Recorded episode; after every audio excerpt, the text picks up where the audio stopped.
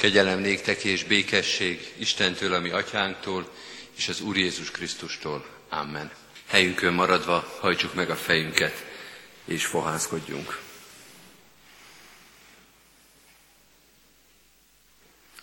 Urunk, köszönjük néked de délutáni csendes órát, amikor a Te igéd világossága és bölcsessége megragadhatja ismét az elménket és az életünket.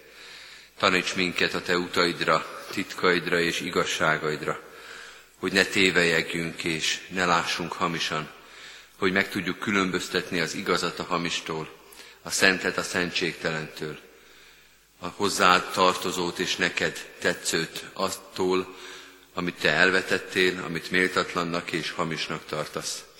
Bocsáss meg, hogyha sokszor nem volt számunkra fontos ez a biztos tudás, az az ismeret, amelyet tőled kaphatunk, hogy nem figyeltünk igét tanítására. Bocsáss meg, hogyha sokszor elengedtük a fülünk mellett a te üzeneteidet. Segíts most rád figyelni, megragadni az alkalmat, bár bűnösen, kínoktól, emberi gyarlóságoktól, megverten, azoktól kínozottan, sokszor azoktól fájdalmasan jövünk eléd, mégis öröm, örül a szívünk, hogy veled tart, találkozhatunk. Bocsáss meg nekünk, hogyha ezt elfelejtettük, bocsáss meg, hogyha erre nem figyeltünk oda. Tégy most minket figyelmessé és nyitottá, készé a tanulásra, igét befogadására, titkaid megértésére. Áld meg hát együttlétünket, áld meg az Isten tiszteletünket, a te szent lelkeddel, jelenléteddel, igéd világosságával. Amen. Kedves testvérek, KT magyarázatos Isten tiszteletünkön a 35. Heidelbergi KT kérdéshez érkeztünk, amely így szól, mit tesz az, hogy fogantaték Szentlélektől és születék Szűzmáriától. A hiszek egy magyarázatában eddig a jól ismert mondatig ér a KT. A válasz, amelyet megfogalmaz, így hangzik, azt, hogy Istennek örök fia, aki valóságos és örök Isten, és az is marad, a Szentlélek munkája által Szűz Mária testéből és véréből valóságos emberi természetet öltött magára, hogy így Dávidnak valóságos magva legyen, és mindenben hasonlatos atyafjaihoz, kivéve a bűnt. Hallgassuk meg most Isten igéjét is, amint erről tanít minket, ezt fennállva hallgassuk, a Filippi levél második részéből, Pálapostolnak a Filippi beliekhez írott második, levelének második részéből, a hatodiktól a tizenegyedik versig így szól Isten igéje. Mert ő Isten formájában lévén nem tekintette zsákmánynak, hogy egyenlő Istennel, hanem megüresítette magát, szolgai formát vett fel, emberekhez hasonlóvá lett, és magatartásában is embernek bizonyult, megalázta magát és engedelmeskedett mind halálig, mégpedig a kereszt halálig. Ezért fel is magasztalta őt Isten mindenek fölé, és azt a nevet adományozta neki, amely minden névnél nagyobb, hogy Jézus nevére minden tért meghajoljon mennyeieké, földieké és föld alattiaké, és minden nyelv vallja, hogy Jézus Krisztus Úr az Atya Isten dicsőségére. Eddig Istennek írott igéje.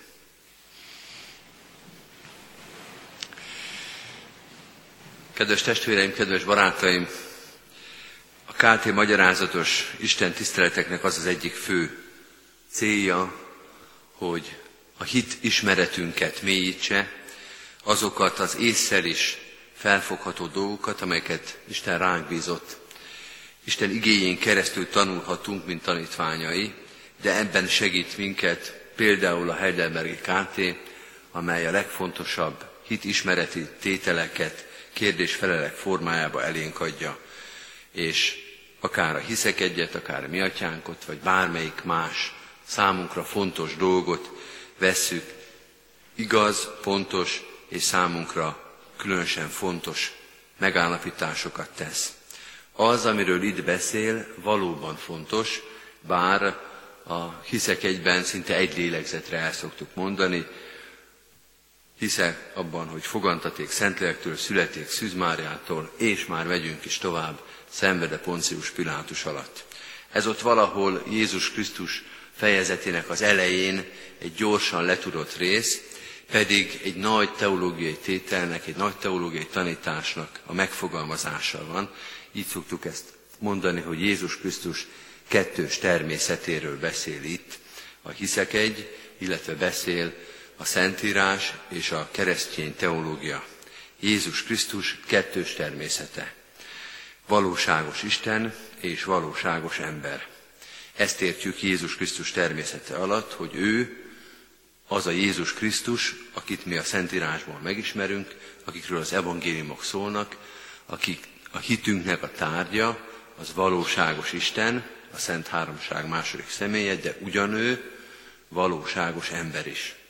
Tehát nem fele-fele, félig Isten, félig ember, és mind ahogy látni fogjuk, nem először Isten, utána ember, vagy fordítva, hanem valóságos és teljes Isten, és valóságos és teljes ember. Nagy óegyházi viták előzték meg ezeket a hitvallásokat, nem csak a hiszek egyet, hanem más óegyházi hitvallásokat is, amelyek például ennél a témánál sokszor leragadtak. Például ez a kérdés sokszor megakadt a keresztények torkán. Lehetséges-e, hogy valaki egyszerre Isten és ember? Elképzelhető-e? Nem sértő-e az Istenre nézve azt mondani, hogy ő ember is? Nem fantáziálás azt gondolni Jézusról, hogy ő Isten. Mind a két álláspontnak megvoltak a védői és az ellenzői. Az egyik arra húzta a dolgot, hogy ne alacsonyítsuk le az Istent az emberi szintre, ne gondoljuk, hogy csak azért, mert itt járt közöttünk, mert látták őt a tanítványok, mert róla szólnak az evangéliumi történetek. Ebből nem kell, hogy következzen, hogy ő ember, valóságos ember volt. Hát úgy nézett ki. De a teste, a természete, az természetesen isteni volt, és semmi köze nem lehetett. Hogy is lehetne az Istennek ehhez a porból való emberhez? A másik oldal pedig a fordítottja volt ennek, szép-szép, amit Jézus mond, követendő is, tanulni is kell tőle, na de hát, hogy Isten lett volna, azért ne ragadjon el minket a fantáziánk. Azért próbáljunk meg két lábon a, já- a földön járni. Azért próbáljuk meg összeegyeztetni a hitünket, az Istenbe vetett bizalmunkat a realitásokkal. Hogyan lehetne Isten az, aki itt jár közöttünk? Ragozhatnánk ezt a két dolgot ide-oda, minden esetre már az első három században, vagy a negyedik században megjelent az igény arra, hogy ezt a kérdést pontosan megfogalmazzák. Csak annyit szeretnék még hozzátenni, hogy ez nem múlt el a Krisztus utáni negyedik századdal, ma is téma ez a kereszténység számára, ma is vannak Magyarországon is olyan felekezetek, amelyek Jézus Krisztus istenségét nem hiszik, fontosnak tartják, követik őt, tisztelik őt, Isten nagy kiválasztottjának tekintik, de nem tekintik Istennek, és nagyon sokan vannak, akik, ha nem is így kimondva, Jézusban valami olyan magasat látnak, ami nem jut el a mi emberi szintünkig, hanem inkább marad fenn az isteni szférákban. Hogy hogyan beszél erről most már a Filippi levél, amelyet felolvastunk, egészen röviden és négy kép felhasználásával szeretnék erről beszélni. A négy kép előtt még annyit mondok, hogy a Filippi levél második részében egy olyan bibliai részt olvasunk, amelyet érdemes megfigyelni, mert miközben nagyon pontos és fontos dogmatikai tanításokat ad, a legszorosabban vett vers és himnusz és líra az új szövetség közepén. Nincs szebb és nincs kerekebb, nincs finomabb megfogalmazása a Jézus Krisztusba vetett hitnek talán, mint a Filippi levél második része, így is szoktuk nevezni ezt a néhány verset, hogy Krisztus himnusz, valóban valószínűleg szinte énekelt, liturgikus elem volt, csodálatos, versszerű megfogalmazása Jézus Krisztus kettős természetének, de ez persze nem menti föl, és nem, igen, nem menti föl ezt a szép szöveget, hogy nagyon pontos és nagyon szabatos megfogalmazása legyen ennek a kettős természetnek. Mit mond tehát ez a Krisztus himnusz Jézus Krisztusról? Az első dolog, amit megfogalmaz, ez egyik kulcsfogalma is ennek a néhány versnek, hogy Jézus Krisztus megüresítette magát. Ezt a szót olvastuk a magyar fordításban, így is szoktuk ezt megfogalmazni. Nem tekintette zsákmánynak, hogy egyenlő Istennel, hanem megüresítette magát. Egy egész teológiai tétel alapszik erre. A szóra, és azt mondja, hogy Jézus Krisztus azáltal, hogy ember lett, alázattal lemondott bizonyos dolgokról, hogyan is fogalmazzuk. A hatalmával nem akart élni, hogyan is fogalmazzuk ezt a csodát. Megüresítette magát, talán mint amikor Mátyás király áruhát vesz, és a nép között jár. Hogy fölvette azoknak a sorsát, hogy amikor áruhát ölt, ö, ö, ö, öltött és bement az emberek közé, akkor nem hivatkozott állandóan arra, hogy de ő egyébként ám király, rá nem vonatkozik a bírónak, vagy a nem tudom önkinek a parancsa. Elhordozta azt, alázattal, pedig lett volna hatalma, pedig lett volna lehetősége lerázni magáról, hirtelen megmutatni a hatalmát, jól megszégyeníteni azokat, akik komiszul bántak vele, de Mátyás király alázattal elviselte azt, ami azzal a ruhával járt. Hát valami ilyesmiről van itt szó. Az első képünk tehát az, ez. Jézus Krisztus, mint egy áruhás király, fölvette az emberi életnek a játékszabályait, megüresítette magát, alázatot vett, lemondott, vagy nem élt azzal a hatalmával, az az előjogával, azzal a dicsőségével, amit ő, ami őt körülvette, hanem emberként jelent meg közöttünk. Ez az első gondolat. A második gondolat olyan, mintha ennek a cáfolata lenne, mert azt mondja, Jézus Krisztus nem veszítette semmit, hanem felvett valamit. Jézus Krisztus nem elveszített valamit, hanem felvett valamit. Nem elveszítette az emberi természetét, amikor emberré lett, nem elveszítette az isteni természetét, amikor ember lett, hanem az isteni természete mellé fölvette az emberit is. Tehát, hogyha időben haladunk, nem azt látjuk magunkkal, magunk előtt, hogy Jézus Krisztus karácsonyig Isten volt, aztán karácsonytól mondjuk a mennybe menetelig vagy húsvétig ember volt, és utána megint Isten lett, hogy Isten, aztán ember, aztán Isten, hanem miközben megtartotta az isteni természetét végig, a testélételkor is, karácsonykor is, a tanításkor is, a csodatételekkor is, a passió történetben, nagypénteken, és ami a nagypéntek és húsvét között történt, a pokorra szállásban is. Tehát végig Isten maradt, de karácsonytól kezdve, mondjuk a mennybe menetelig, ehhez még fölvett egy emberi természetet. Azt kell mondanom, kedves testvérek, hogy itt már az emberi logika és a megértés kezdi felmondani a szolgálatot, hiszen azt mondjuk, hogy a végtelen Isten, a minden hatalomnak a birtokosa, a teljesség, az még fölvesz egy nálánál sokkal kisebbet, a végest, a gyarlót, az emberit. Hogyan lehet az, hogy akiben minden mindenekben megvan, az még valamit fölvegyen, ráadásul az a valami, a sokkal kisebb, sokkal gyarlóbb, az egy véges, gyarló kis emberi élet. Ezen a téren talán a logika fölmondja a szolgálatot, de annak a megértésében mégiscsak fontos gondolat ez, hogy az a Jézus Krisztus, akit mi látunk az evangéliumi történetekben, az a valóságos Isten Jézus Krisztus. Emberként látjuk, és ez fontos is, hogy ő emberré lett, Szűz Márián keresztül emberi természetet vett föl, hasonlatos lett hozzánk mindenben, kivéve a bűnt, de nem tette le az isteni természetét. Nincs az evangéliumi történeteknek egyetlen olyan pillanata, ahol kételkedhetnénk az ő isteni mi voltában. Ha erőtlennek látjuk, ha tehetetlennek látjuk, ha azt látjuk, hogy valamit nem tesz, pedig esetleg megtehetné, ne felejtsük el, hogy teljes isteni hatalommal és bölcsességgel és minden hatósággal teszi ezt. Nem azért, mert alkalmatlan, nem azért, mert képtelen. Nem mondhatjuk azt, hogy persze, ha Isten maradt volna, hamar megoldotta volna ezt a nagypénteki történetet, hanem ő Istenként a teljes hatalom birtokában vállalja ott is mondjuk a nagypénteki tehetetlen halált, mondjuk a megaláztatást, az egész passió történetet. Hallgat például Pilátus előtt vagy a bíráj előtt. Sokszor érezzük azt, hogy az Isten hallgat, hogy Jézus nem cselekszik, hogy hiába kérjük, nem tesz semmit. Jusson eszünkbe az, hogy láttuk ezt mi már az evangéliumi történetekben, de ennek nem a hatalom hiánya volt az oka. Nem azért hallgatott, vagy állt csendesen Jézus, mert nem tehetett volna semmit, hanem az ő isteni hatalmának birtokában, teljes birtokában, és így döntött.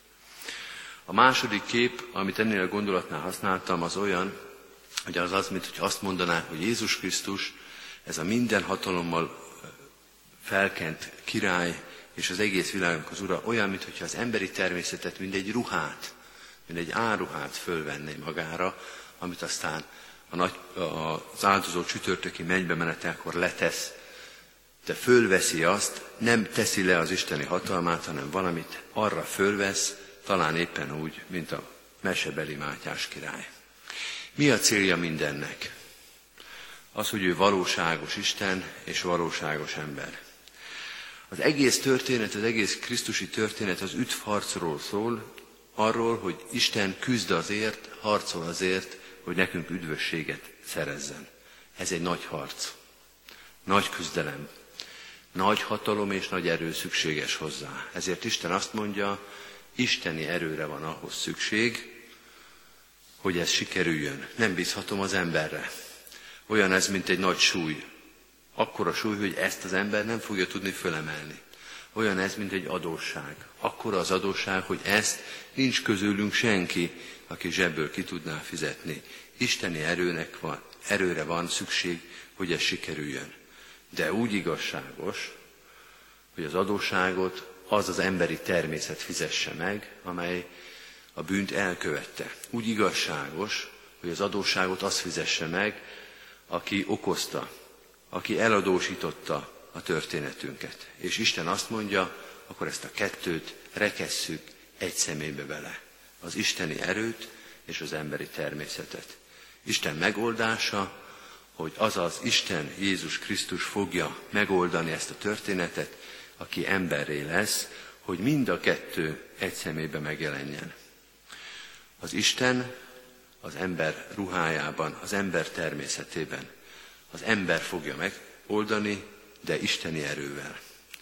A harmadik kép, amely itt segíthet minket, az a kedves, bájos kép, talán testvérek is láttak ilyet, amikor valamilyen bemutató, vagy valamilyen iskolai foglalkozás, vagy sportiskolai eh, ünnepé alkalmával válogatott, nagyhírű sportolók mennek el mondjuk egy sportiskolába, vagy egy sportklubhoz, és a kis utánpótlás, vagy gyerekcsapatba beállnak a hatalmas, nagy válogatott sportolók, képzeljünk el mondjuk egy kosaras mérkőzést, ahol az a két méternél magasabb, hatalmas langaléta, sportolók be állnak játszani mondjuk a 8-10 éves vagy 10-12 éves gyerekek közé, kétszer olyan magasak, de ugyanazt a mezt fölveszik, és akkor tanítgatják is a gyerekeket, meg egy kicsit szórakoztatás is, meg egy kicsit ajándék is.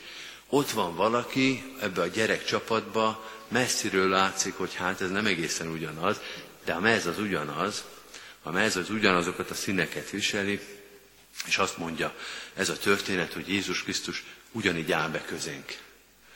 Azért, hogy egy kicsit megmutassa, mi az, amire ketten mehetünk. Persze könnyű így nyerni. Persze nem meglepő, hogyha ez a csapat fog nyerni, ahol ez a válogatott játékos játszik. Nem meglepő, hogyha sikerül az üdvösség. Nem meglepő, hogyha van az embernek szabadulása, hiszen ki játszik a csapatba.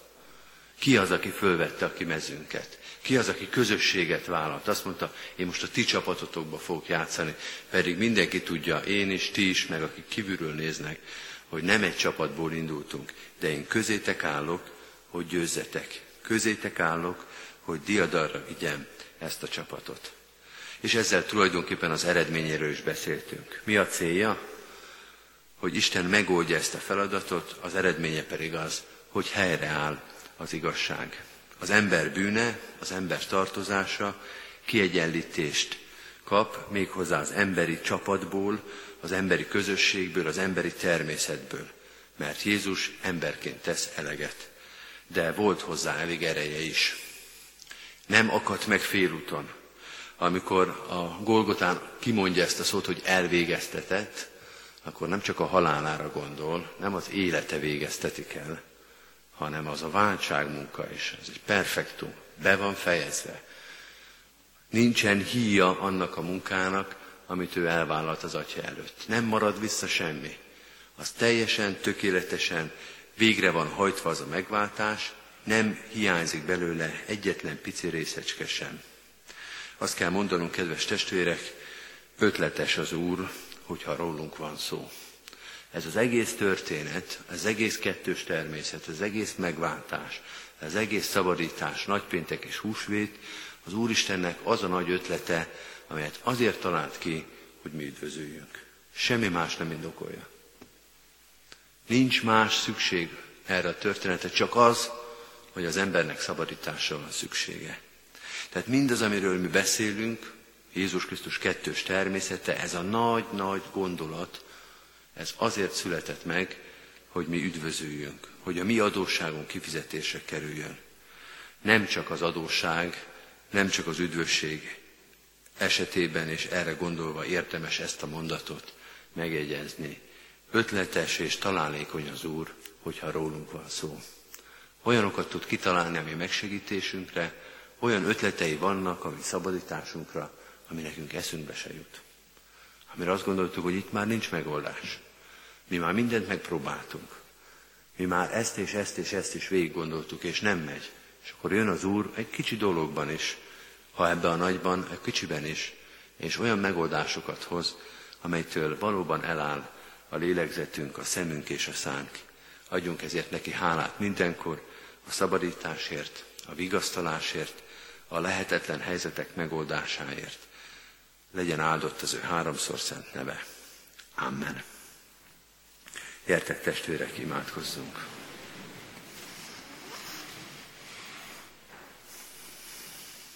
Ennyi atyánk, hálát adunk néked azért a tervért, amelyet Jézus Krisztusban megvalósítottál, hogy ne maradjon az ember bűnben, hogy ne maradjunk a kárhozatban, hanem a te igazságodat és szeretetedet is meg tudtad mutatni egyetlen egy tervben, egyetlen egy gondolatban, a Krisztusi váltságban, az ő eljövetelében, testélételében, hogy valóságos ember lett érettünk, a valóságos Isten, hogy isteni hatalmával és emberi természetével megoldotta azt, amire mi képtelenek lettünk volna.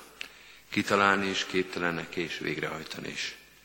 Hány olyan történet van az életünkben, ennél sokkal kisebbek, amelyekre ugyanez igaz. Sem kitalálni, sem végrehajtani nem tudjuk.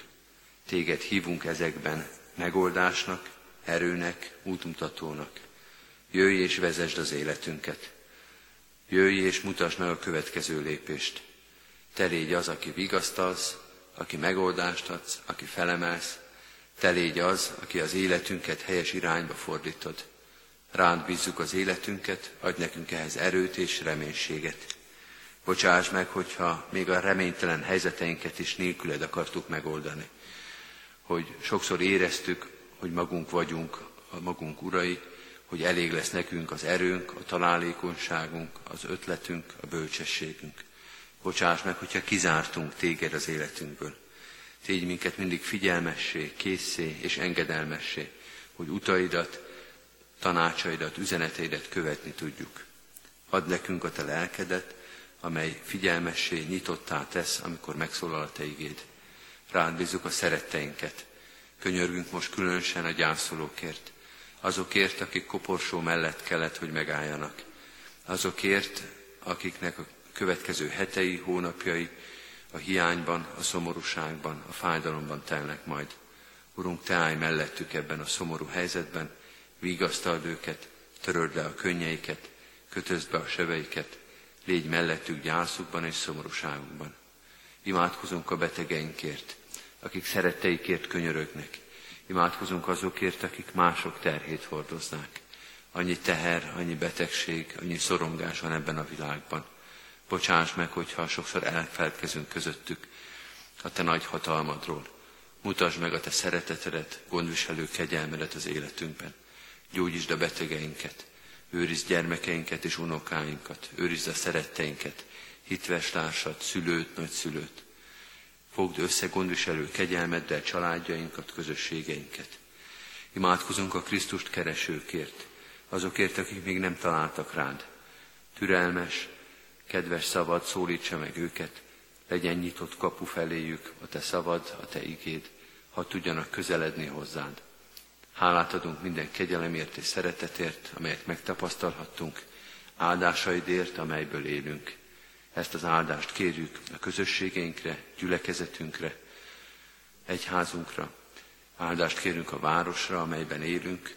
Áldásod és szereteted nyugodjon meg országunkon, nemzetünkön, az egész emberiségen, Jézus Krisztusért, ami Urunkért. Amen. Az Úrtól tanult imádságot együtt mondjuk el. Mi, Atyánk, ki vagy a mennyekben, szenteltessék meg a Te neved. Jöjjön el a Te országod, legyen meg a Te akaratod, amint a mennyben, úgy a földön is. Mindennapi kenyerünket add meg nékünk ma, és bocsáss meg védkeinket, miképpen mi is megbocsátunk az ellenünk védkezőknek. És ne vigy minket kísértésbe, de szabadíts meg a gonosztól, mert tiéd az ország, a hatalom és a dicsőség mind örökké. Amen. Mindezek után az Istennek békessége, mely minden értelmet felülhalad, őrize meg szívünket és gondolatainkat a Krisztus Jézusban. Amen.